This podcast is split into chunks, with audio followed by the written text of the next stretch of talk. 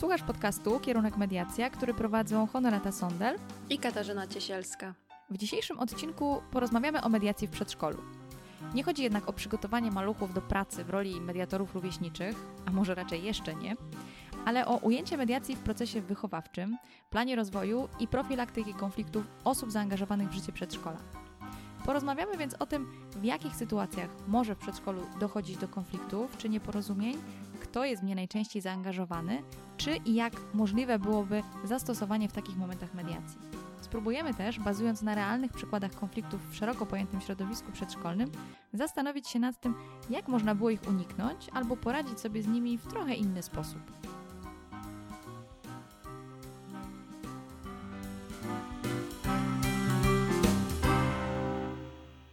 Dlaczego w ogóle zainteresował nas temat mediacji w przedszkolu? Od dłuższego czasu obserwujemy kierunek, w którym mediacja się rozwija i cały czas wpadamy w kolejną niszę do zagospodarowania. No, oczywiście nie w każdej z nich ziarno pada na podatny grunt. Często raczej przypomina to orkę na ugorze niż w czasy pod gruszą. Oj tak, ale są też przestrzenie bardziej otwarte i przyjazne mediacji, jak już oczywiście się dowiedzą o niej czegoś więcej i poznają jej potencjał. O mediacji w oświacie mówi się całkiem sporo. Zaczyna zajmować szczególne miejsce jako sposób rozwiązywania konfliktów rówieśniczych i szkolnych. Oczywiście cieszy nas fakt, że coraz więcej szkół na różnym poziomie edukacji świadomie uczy naprawiania relacji i więzi społecznych yy, za pomocą mediacji, nie tylko wśród nauczycieli i uczniów, ale też rodziców. Płynie z tego radosny wniosek, że coraz więcej dyrektorów szkół dba o podwyższanie jakości pracy, ale to się dzieje w szkołach, a o przedszkolach cisza. I tak jak powiedziałyśmy we wstępie, nie chodzi nam o kopiowanie jeden do jeden zasad i obszarów wykorzystania mediacji w szkole, bo nawet nie jest to możliwe, ale o zwrócenie uwagi na tę niewykorzystaną dla mediacji część oświaty. Tu również pracują nauczyciele, Dyrektorzy, tak samo jak szkolni, żeby nadążyć za wyzwaniami rynku, muszą cały czas szukać okazji do rozwoju, poznawać nowoczesne metody i techniki zarządzania. Mamy cały skomplikowany system oświaty, sprawozdania, plany wychowawcze, plany rozwoju zawodowego i całą tę papierologię, no i oczywiście presję z nią związaną. Problemy w niektórych obszarach też są podobne. No i mamy też rodziców i mamy dzieci. Jeśli zaczęliśmy uczyć młodzież szkolną prawidłowego budowania więzi społecznych i zdrowej komunikacji, to dlaczego nie zacząć jeszcze wcześniej, kiedy umysł dziecka jest najbardziej chłonny, doskonale czyta emocje dorosłych i co ważne, uczy się przez obserwację swoich opiekunów i yy, na nią bezpośrednio reaguje. No dokładnie. Przedszkole to pierwsze miejsce, w którym jako człowiek zderzamy się ze społeczeństwem. Poznajemy pierwszych znajomych, uczymy się współpracy, współdzielenia rzeczy i różnych miejsc. Już nie jesteśmy sami w centrum świata naszych rodziców i uwagą musimy się dzielić już nie tylko z rodzeństwem, ale piętnastoma czy nawet dwudziestoma innymi dziećmi. No, umówmy się. Pierwsze dni w przedszkolu nie należą do łatwych, dopóki nie poznamy nowych zasad gry. I tylko nielicznych z nas taka zmiana nie obeszła. Ja na przykład na miesiąc zamilkłam, przestałam się w ogóle odzywać. Taka trauma. Ojej. No. no ale właśnie, i bardzo ważną rolę w tym procesie odgrywa nauczyciel czy opiekun, który trochę jak taki przewodnik pokazuje nam ten świat. Ale oczywiście nie on jeden. No i w dodatku nie ma w tym zakresie tak zwanej wolnej ręki. Wyobrażam sobie, że każdy rodzic, oddając swoje dziecko do przedszkola, czy to publicznego, czy prywatnego, ma jakieś wyobrażenie tego, co ten jego bąbelek będzie w nim robił. No, na pewno myśli o tym, co będzie jadł i sprawozdań o ilości kupek też chętnie posłucha. A, a nie, to chyba żłobki prowadzą takie statystyki. Przemilczmy to. No ale na pewno ma oczekiwania co do tego, jak będzie przebiegała jego edukacja, ile i jakie dodatkowe zajęcia znajdą się w planie dnia, tak żeby się maluchowi nie nudziło i żeby niczego mu nie zabrakło. Tak jak może jemu, rodzicowi, który w przedszkolu może najczęściej spędzał czas nad kręcącym się bączkiem albo kłócił się z koleżanką o lale bez nogi. Przysięgam, już to nie moja trauma. Ale się czepiasz. Dobra, wróćmy do tematu. Problem zaczyna się, gdy wyobrażenia tego rodzica o idealnej edukacji pociechy rozjeżdżają się trochę z tym, jak to rzeczywiście wygląda. I na przykład jest podyktowane doświadczeniem i wiedzą nauczyciela, który często kieruje się dobrem dziecka, oczywiście. Tylko nie wyjaśnił tego rodzicom, albo może był za mało konkretny, uznając to za coś oczywistego. Dobra, to kolejna zwyczajna sytuacja konfliktowa w przedszkolu, kiedy niezadowolony ze sposobu sprawowania opieki nad dzieckiem rodzic przychodzi z, z uwagami. To eufemizm dla pretensji. Okej, okay, ale umówmy się, że nie zawsze jest tak, że te uwagi są niesłuszne. Może się zdarzyć, że rodzic ma po prostu potrzebę informacji. Niezaspokojoną od dłuższego czasu, bo nie miał z kim o tym porozmawiać ze strony przedszkola, albo jego czyhanie na pracowników placówki w szatni czy na schodach wynika z niezrozumienia zasad współpracy po prostu. Jak dzieci podczas zabawy w ogrodzie na przykład postanowią się schować, a nauczyciel zorientuje się dopiero przy obiedzie, ups, i dzieci pochwalą się przypadkiem w domu, no to zdenerwowanie rodziców też może być uzasadnione, prawda? Nie, no jasne. I w takich sytuacjach na pierwszej linii frontu w rozmowie z rodzicem najczęściej stoi nauczyciel prowadzący grupę, który najprawdopodobniej będzie częściej próbował się bronić i odpierać ataki, niż wdawać się w mhm. konstruktywną mhm. rozmowę z rodzicem. No, takie są nasze automatyczne strategie działania. Atakują, to się bronimy. Jeśli tutaj rodzic nie uzyska oczekiwanych informacji, no to prawdopodobnie pójdzie wyżej, czyli do dyrektora placówki. No i powstaje pytanie, czy na wyższym poziomie odegrany zostanie inny scenariusz? To zależy i to oczywiście od wielu czynników. Po pierwsze, od stopnia przygotowania dyrektora do prowadzenia takich trudnych rozmów, pewnie od poziomu osobistego zaangażowania, może umiejętności radzenia sobie z własnymi emocjami w tak mało komfortowej, umówmy się, sytuacji, być może poziomu otwartości na to, co mówi druga strona, ale też podatności na stres w tym konkretnym momencie. I to pewnie i tak nie wyczerpuje listy. To, z czym przychodzi druga strona, też ma znaczenie. Czy w ogóle jest chętna i gotowa posłuchać wyjaśnień, czy może chce tylko wyrzucić z siebie jakieś pretensje, oznajmić swoje niezadowolenie i ostentacyjnie wyjść? Podobną sytuację mamy też często wtedy, gdy do jakichś sporów dochodzi między dziećmi, na przykład w formie agresji, jakiegoś bicia czy gryzienia. I wtedy rodzice przychodzą walczyć tak naprawdę o dobrostan swojej pociechy. Zaczyna się przerzucanie argumentami, pretensjami i oskarżeniami o błędy wychowawcze, słabe umiejętności rodzicielskie, no i różne takie tam opinie. I wówczas próby rozwiązania takiej sytuacji przez spotkanie i rozmowę jest dla dyrekcji czy nauczyciela y, nie lada wyzwaniem. Mm. I mhm. z obawy przed krwawym zakończeniem sporu często unika się wspólnego spotkania rodziców i przez to tak naprawdę tracimy okazję do rozwiązania konfliktu na głębszym poziomie, co mogłoby eliminować go w przyszłości. My wiemy, że gdy emocje są wysokie, to ciężko jest się nam zdystansować do całej sytuacji, y, bo przecież rodzic chce jak najlepiej dla swojego dziecka. Jest jednak jedno małe ale w tym wszystkim. Dzieci są dziećmi i uczą się od nas. Patrzą, słuchają i powtarzają nasze zachowania i nasze słowa. O, czasem całe zwroty, o zgrozo. Zrozumie to, kto chociaż raz przez szczerość dziecka zapadł się pod ziemię. Dzieci nie potrafią sobie jeszcze radzić z wieloma sytuacjami. Jeśli my do plecaka doświadczeń dorzucamy im nasze własne smutki, żale i jakieś frustracje, to zdarza się, że taki kamyk z tego plecaka trafi po prostu kolegę czy koleżankę z grupy. Dlatego warto wychodzić poza automatyczne sposoby reagowania. I w interesie dyrekcji i nauczyciela i też rodzica jest to, żeby oswajać konflikt, zanim wymknie się nam spod kontroli. W imię zasady, że lepiej gasić zapałkę niż pożar stodoły. Jasne. Ale życie przedszkola to nie tylko nauczyciele, dyrektor i rodzice dzieci. Biorą w nim też czynny udział pracownicy obsługi. Czasami kuchni, chociaż teraz to chyba jednak większość korzysta z obsługi cateringu. Nierzadko też dochodzący nauczyciele przedmiotów dodatkowych czy opiekunowie innych grup przedszkolnych. Jest to więc całkiem spora grupa ludzi, którzy na co dzień też mają swoje wyzwania, oczekiwania i wyobrażenia na temat tego, jak różne rzeczy powinny w ich mniemaniu funkcjonować, prawda? Zresztą, jeśli sami porównamy swoje doświadczenia z przedszkola, okaże się, że u każdego wygląda to trochę inaczej. Myślę, że to duża przestrzeń do nieporozumień, takich no, wewnątrzorganizacyjnych.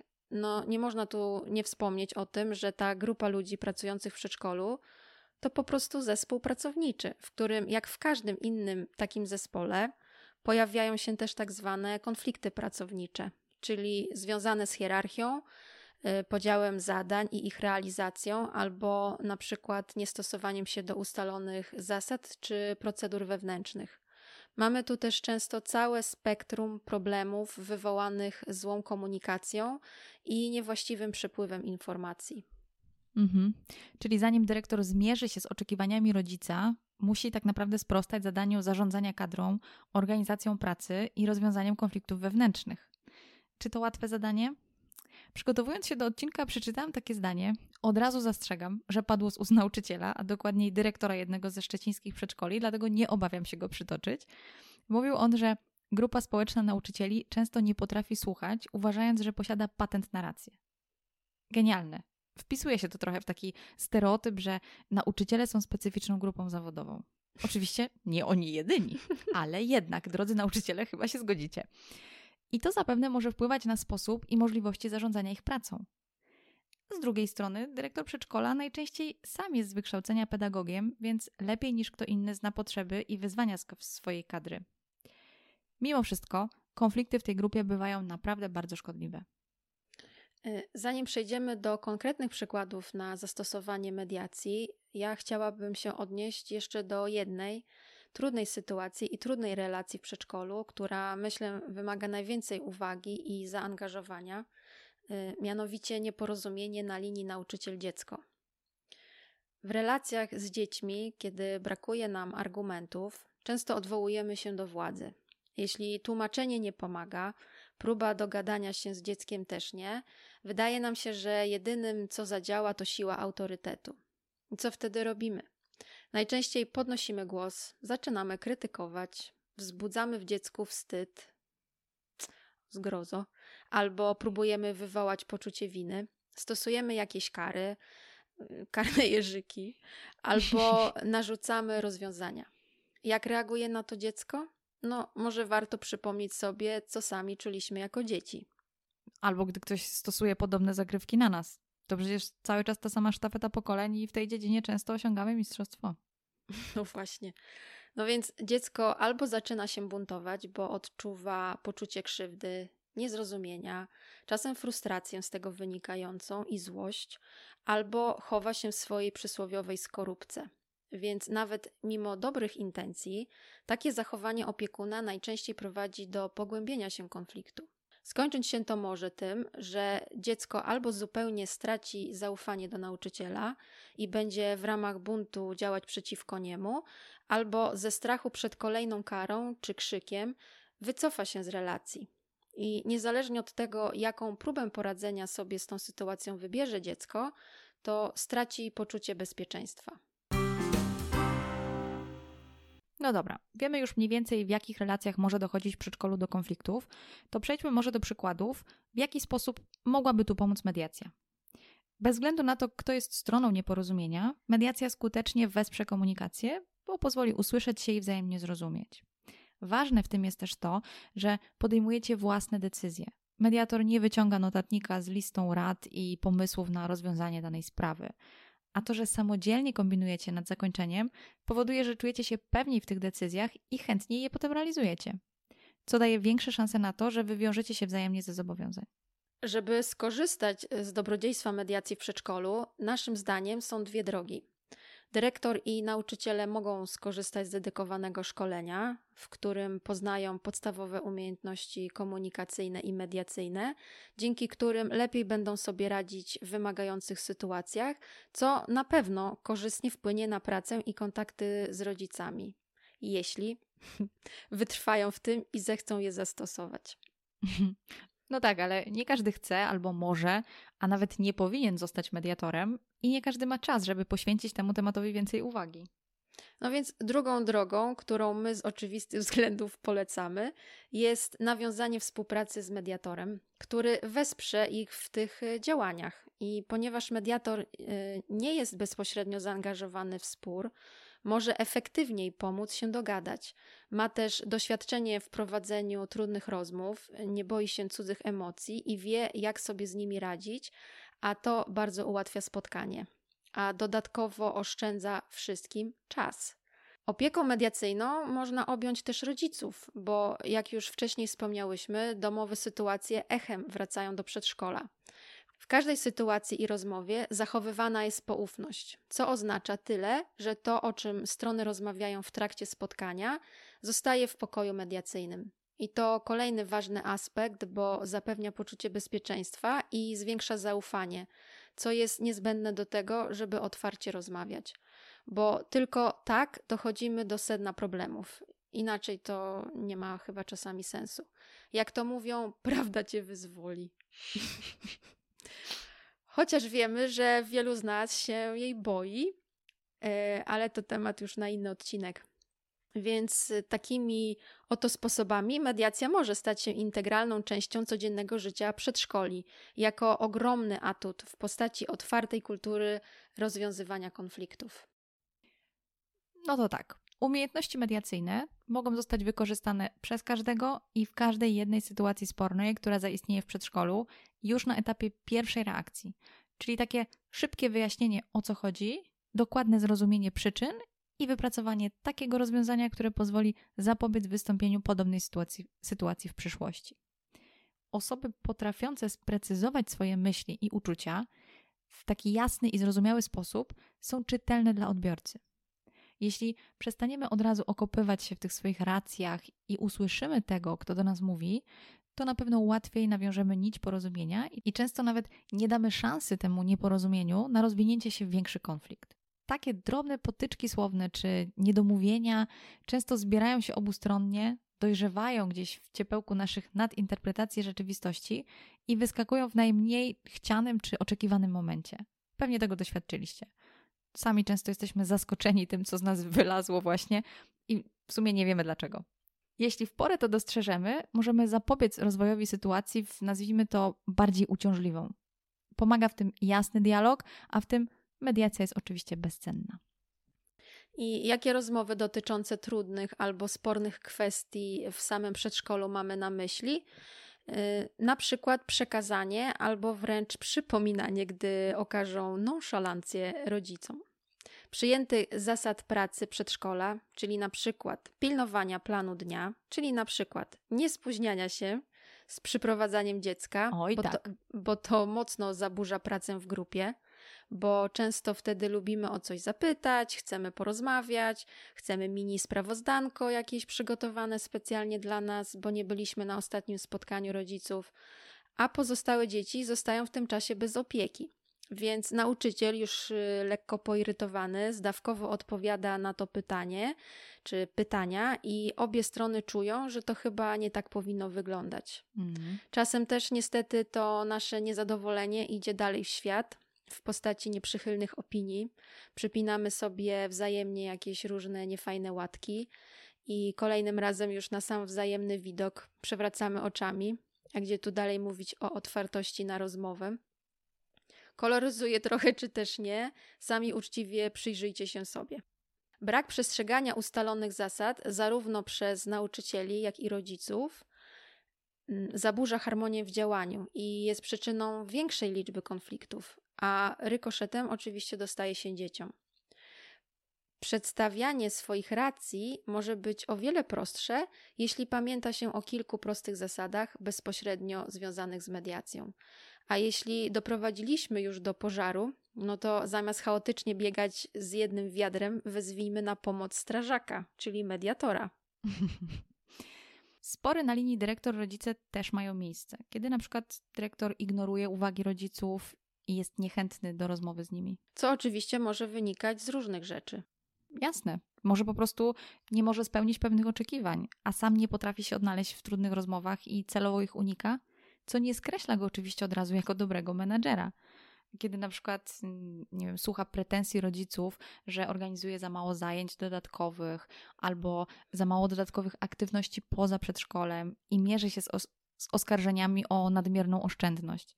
Wtedy, chcąc uniknąć niekomfortowych sytuacji, odpowiada na zarzuty rodziców, na przykład organizacją większej liczby zajęć dodatkowych, ale pomija wtedy zdanie nauczycieli, że za dużo tych zajęć też nie jest dobre dla dzieci i rodzicom trzeba to wytłumaczyć, a nie ślepo podążać za ich wymaganiami. Otwarta rozmowa może tu być dobrym remedium i mediacja jako narzędzie do profilaktyki konfliktu może się tu całkiem nieźle sprawdzić. Spory wśród kadry to oczywiście też nie lada wyzwanie. Dobra komunikacja w każdym, nawet dwuosobowym zespole to podstawa dobrej współpracy. No, my już nieraz wpadłyśmy na małą minę, powstałą z różnych nieporozumień i tylko świadomość tego, jak ważne jest to, żeby wyjaśniać możliwie na bieżąco różne kwestie, uratowała nas. Już sama myśl, intencja zatrzymania się w automatycznej reakcji na słowa czy zachowanie drugiej strony potrafi zdziałać te przysłowiowe cuda. Bo jeśli my chcemy zostać zrozumiani i wysłuchani, powinniśmy sami wysłuchać drugą osobę. Oczywiście nie oznacza to, że musimy się z nią zgadzać, ale przyjąć to, że inni myślą inaczej i dopiero akceptując to, dając sobie takie wzajemne przyzwolenie na to, że okej, okay, tu się nie zgadzamy, możemy zadecydować, czy coś z tym robimy, czy zostawiamy i na przykład wrócimy do tego, kiedy będziemy na to bardziej gotowi. Mhm. Jeśli spór dotyczy jakiejś nagłej sprawy, to takie przyjęcie własnych różnic też pomoże nam otworzyć się na jeszcze inne rozwiązania, bo nie będziemy czuli się atakowani i przez to zmuszeni do obrony tych swoich racji. Dokładnie. Każdy brak porozumienia wśród nauczycieli prowadzących, dotyczący na przykład różnych pomysłów na prowadzenie grupy, skutkuje tym, że każdy z nich wprowadza inne zasady dla dzieci, a to z kolei powoduje, że grupa jest, nie wiem, głośna, hałaśliwa i wówczas trzeba, oczywiście mówię to w cudzysłowie, krzyczeć na dzieci.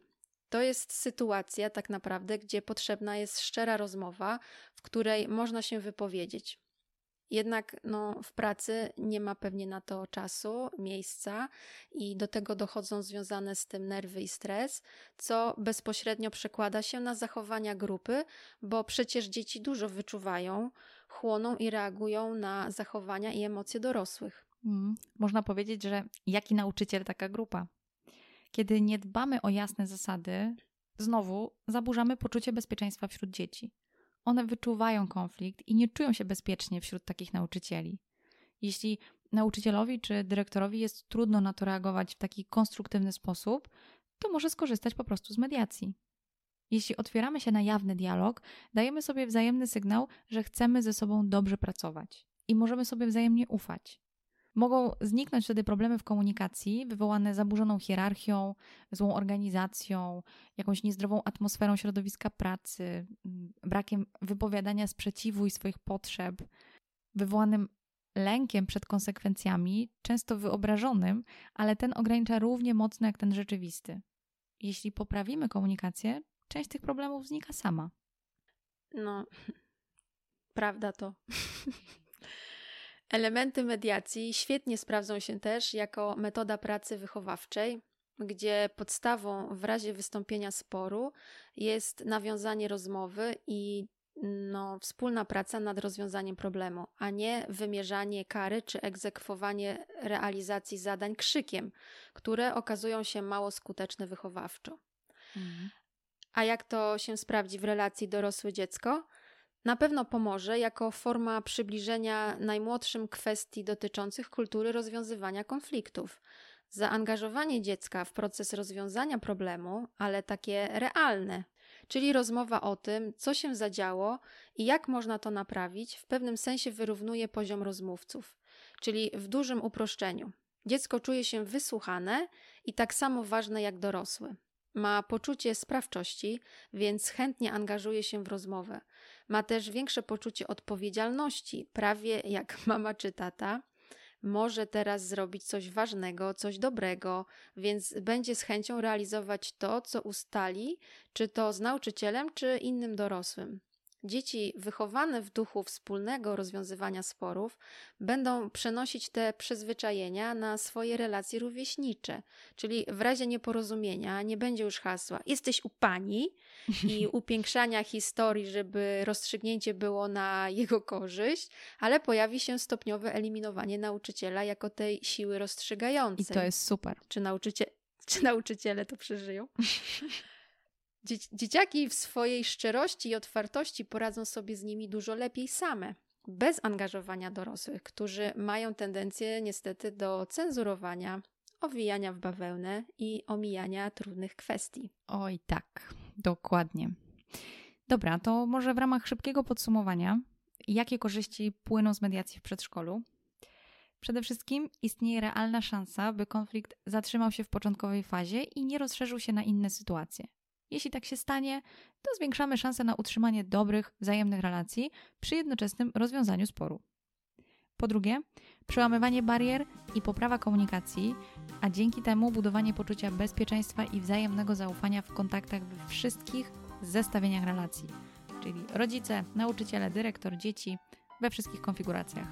To też sprzyja podniesieniu efektywności pracy. Jest to fajna droga do uczenia i dzieci, i dorosłych, postrzegania konfliktu jako procesu, który wymaga rozwiązania problemu, a nie jego rozstrzygania. Pomagamy rozwijać umiejętności związane z wyrażaniem potrzeb, radzeniem sobie z emocjami i uważnością na innych. Jak widać, korzyści pojawiają się na wielu płaszczyznach działania przedszkola, zarówno w sferze organizacyjnej, społecznej i nawet tej wychowawczej. Dzisiaj dziękujemy już za uwagę i do usłyszenia w kolejnym odcinku.